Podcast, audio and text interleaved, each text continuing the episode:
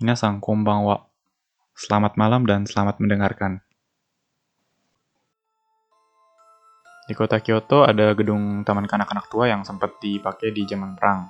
Kalian pasti tahu zaman perang dunia II Jepang di bom atom, mereka menyatakan kekalahan dan kaisar siapa itu Hirohito mengumpulkan guru-guru tersisa buat ngebangun negara Jepang. Nah, di zaman itu kira-kira. Jadi gedung itu udah dibangun dari puluhan tahun yang lalu dan udah nggak dipakai lagi sekarang. Gedungnya itu ada dua. Gedung kanan sama gedung kiri. Masing-masing gedung itu ada dua lantai. Jadi hitungannya besar gitu ya gedung TK-nya. Dua gedungnya itu identik, nggak beda jauh kiri sama kanan. Tapi buat gedung yang di sebelah kanan, gedung kanan itu udah dikenal banyak muncul. Entah itu anak-anak, perempuan kimono compang-camping, atau apa pun itu. Nggak tahu alasannya apa, tapi rumor-rumor selalu datang dari gedung sebelah kanan. Nah, suatu waktu ada pelajar, ada seorang pelajar SMA gitu ya, namanya Takahashi dan temennya. Itu mereka berdua mau cari sensasi ke gedung TK tua itu. Mereka nunggu waktu sampai malam di rumahnya si Takahashi, terus mereka berdua ke gedung TK tua itu.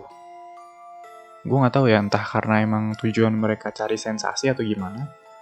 Mereka berdua milih buat masuk ke gedung sebelah kiri jadi mereka masuk ke lingkungan gedung TK tua itu, ngelewatin pagar yang udah nggak ada fungsinya sebagai pagar menurut gue. Terus mereka belok ke kiri ke arah gedung yang ada di sebelah kiri. Mereka masuk ke gedung sebelah kiri dan mulai ngeliat-liat sekitar. Sebenarnya sebelum mereka berangkat ke situ, mereka persiapan bawa alat penerangan juga, kayak lampu senter gitu ya. Tapi setelah mereka lihat-lihat suasana dalam gedung, walaupun remang-remang tapi cahaya bulan masih masuk. Jadi mereka nggak ngeluarin senternya itu.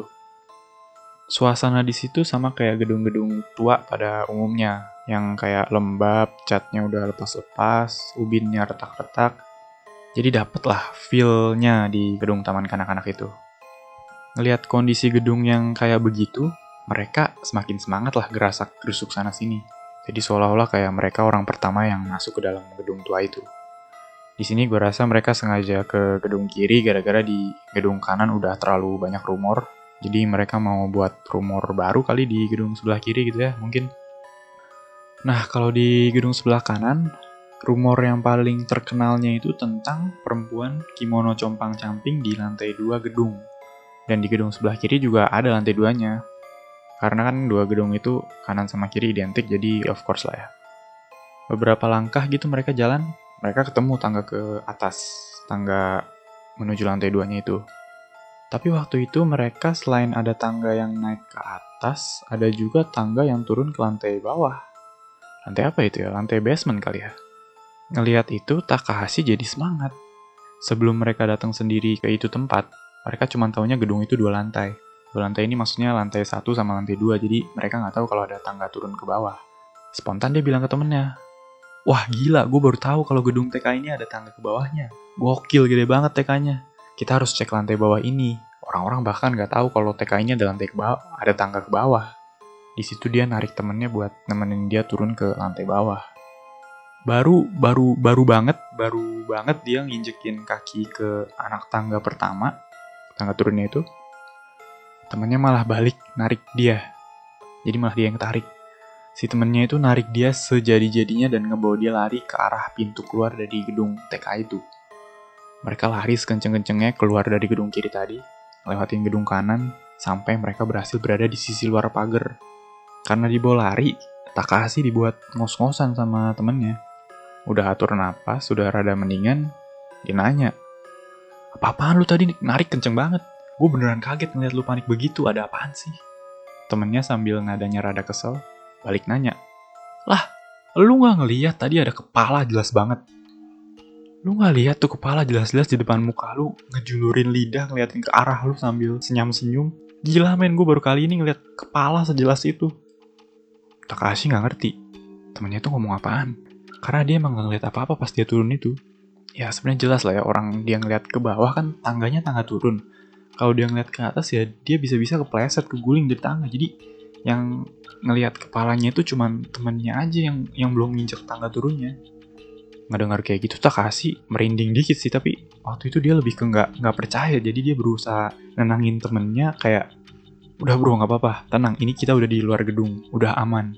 Jadi mungkin lu lihat sesuatu yang nggak harusnya dilihat tapi tenang kita udah aman sekarang.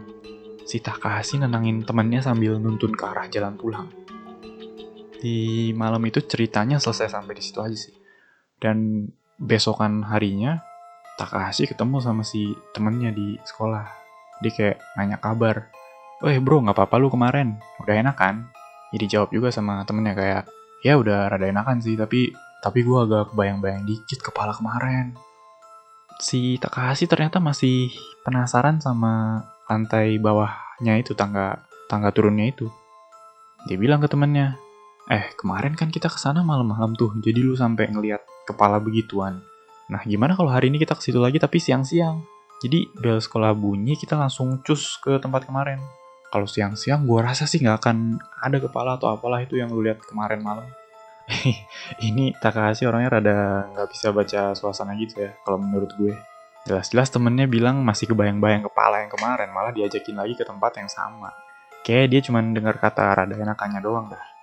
Ya temennya di situ gue yakin banget sih aslinya nggak mau tapi ya gimana namanya juga temen nggak enak kan kalau diminta nemenin terus nggak ikutan. Jadi temennya sambil dalam hati ngomong brengsek nih Takashi.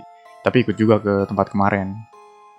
Bel sekolah bunyi, Takashi udah kayak setan muncul di depan kelas si temennya udah nungguin kali temennya mau kabur biar bisa dia seret. Berdua lah mereka ke tempat gedung TK yang kemarin lagi. Kali ini siang-siang. Masuk lewat pagar yang udah usang, belok ke kiri, lewatin gedung kanan, muncul gedung kiri, masuklah mereka. Siang-siang di dalam gedung emang gak ada rasanya. Kayak apa sih, kayak datang ke TK biasa yang anak-anaknya udah pada dijemput gitu sama nyokapnya. Tapi kotor gitu TK-nya. Sambil hahaha bilang gak serem ya kalau siang-siang. Mereka udah di depan tangga naik kemarin. Nah, di situ baru si Takahashi narik ucapannya yang tadi. Merinding dia temennya juga ikut diem aja. Mereka tatap-tatapan kayak kayak kayak nggak percaya aja gitu.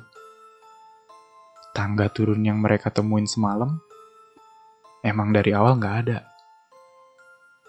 Jadi kalau misalkan kemarin si Takahashi beneran turun ke tangga itu mungkin sekarang dia udah nggak di Kyoto lagi